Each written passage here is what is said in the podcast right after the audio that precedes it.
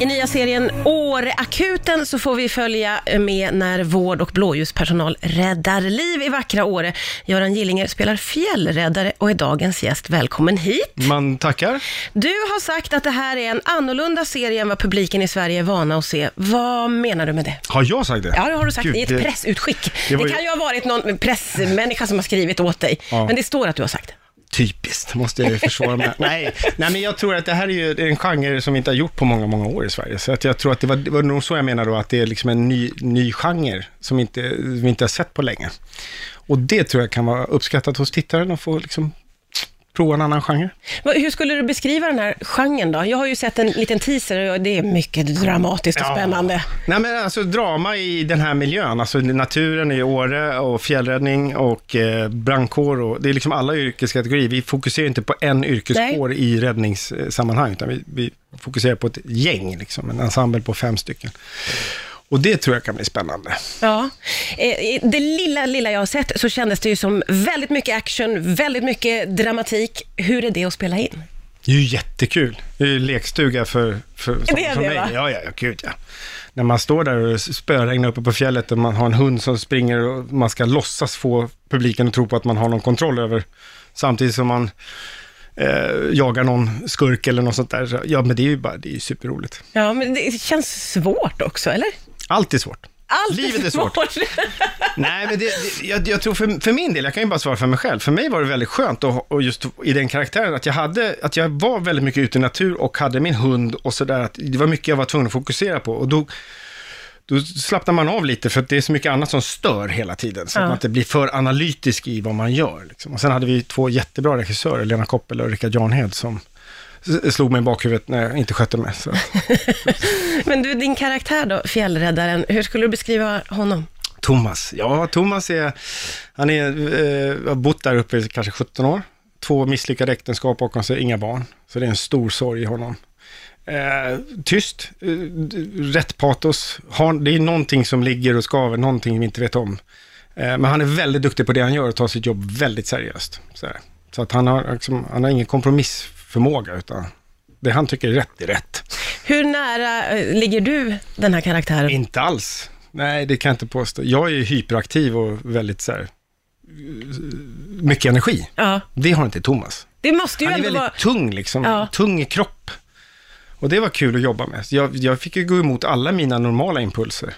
Och det var jätteläskigt, Ja. men otroligt spännande och man lär sig massor. Ja, det, det låter väldigt spännande. Vad hade du för relation till fjällräddning innan du gjorde den här serien? Egentligen ingenting förutom när man hade läst notiser i tidningarna så här, eh, man försvunnen på fjället, fjällräddare tillkallade. Ja. Jag visste ingenting. Så du fick liksom lära dig ett helt... Jag fick gå från grunden, ja. Men då hade jag ju eh, Niklas Holmedal från eh, Storlien som är fjällräddare som var, blev min mentor då, som var liksom, ja men han var ju magisk.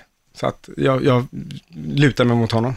Och, och för oss andra som inte heller är helt hundra på vad, eh, hur en fjällräddare jobbar, vad, vad gör de? De gör allt. Allt som är utanför allmän väg på fjället eller uppe i naturen. Ja. Så de är ju anställda under polisen då. Så, att, så de rycker in, så fort det liksom sker någonting så rycker de in och gör räddningsaktioner. ja. Otroliga eldsjälar alltså. Det är ju nästan en livsstil märker man. Jag tänker att man måste kunna väldigt mycket och Ja. vara beredd på precis vad som Ja, ja. helst då. Och sliter ihjäl sig gör de. Ja. Stenhårda.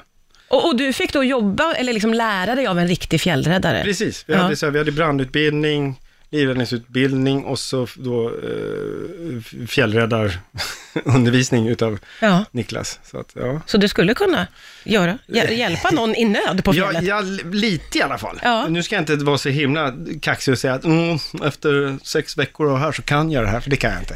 Men jag skulle nog kunna hjälpa till. Ja. Skulle kunna vara bra assistent tror jag. Också väldigt häftigt att få den typen av inblick i, en, Ja. i ett annat yrke. Det är Jättekul. otroligt det är ju häftigt. livsfarligt, för man, första tre veckorna så blir man så här, kanske ska skola om.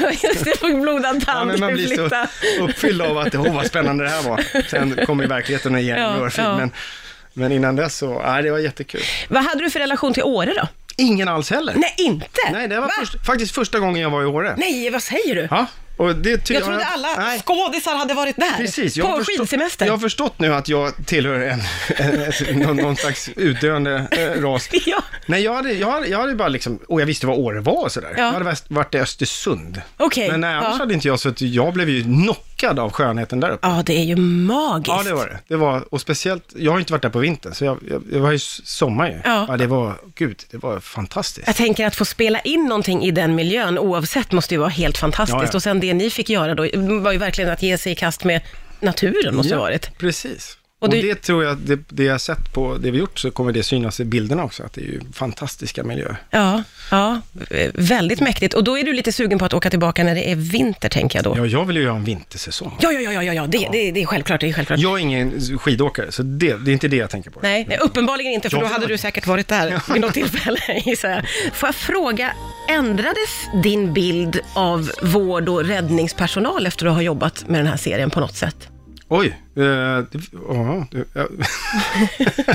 jag, vet inte. Jag blev, ja, framförallt om man så här, med tanke på hur det ser ut nu, så, så får man ju ödmjukt säga att eh, vilka människor alltså. Ja, Eh, Det som ändra, nej, men annars ändrades ju inte bilden liksom rent konkret av vad de sysslar med. Det, det jag tyckte var häftigt att se att vilka eldsjälar de är. Att, att det är på något sätt så här, det här är det de brinner för. ja, Och då gör man det. ja. För att, eh, så att jag var ju djupt imponerad av de människor vi hade runt omkring oss där uppe då, de som Ja. faktiskt gör det här på riktigt. Ja, just det, för ni hade också med, för du jobbade med en riktig fjällräddare Ja, och det fanns vi hade också... brandmän, vi hade eh, sjukpersonal, vi hade Ja. läkare, vi hade ju liksom hela tiden backup så att Ja. inte vi förhoppningsvis inte gör dumheter Ja, framför kameran som inte stämmer. Nej, nej, just det. Så, att, så att vi fick ju väldigt mycket backup. Ja. De var ju fantastiska. Men det måste ju också utifrån den situation vi är i nu vara otroligt eh, unikt och, och spännande, förstå mig rätt, att ha fått den här inblicken Ja, i vad vårdpersonalen gör. ja de, de sliter ju. Alltså ordentligt. ja. Så att, ja, nej, all respekt till dem. Mer lön till dem. Ja, det- ja det, det skriver vi under på allihopa. Mer, absolut applåder och kärlek, men mer lön också till sjukvårdspersonalen. Eh, corona har ju påverkat väldigt många och din bransch har drabbats hårt. Har, hur har du själv märkt av det? Ja, det finns inga jobb. Nej, alltså, alltså jag jobbar ju väldigt mycket på scen. Ja, Och det finns ju inga scenjobb Nej. längre. Det, vi behöver en publik. Och det finns ingen publik. mm. Så att eh, vi är drabbade på det sättet. Så att, så att eh, det är inte mycket att göra liksom. Det är ju bara... Det är bara att kämpa på sådär.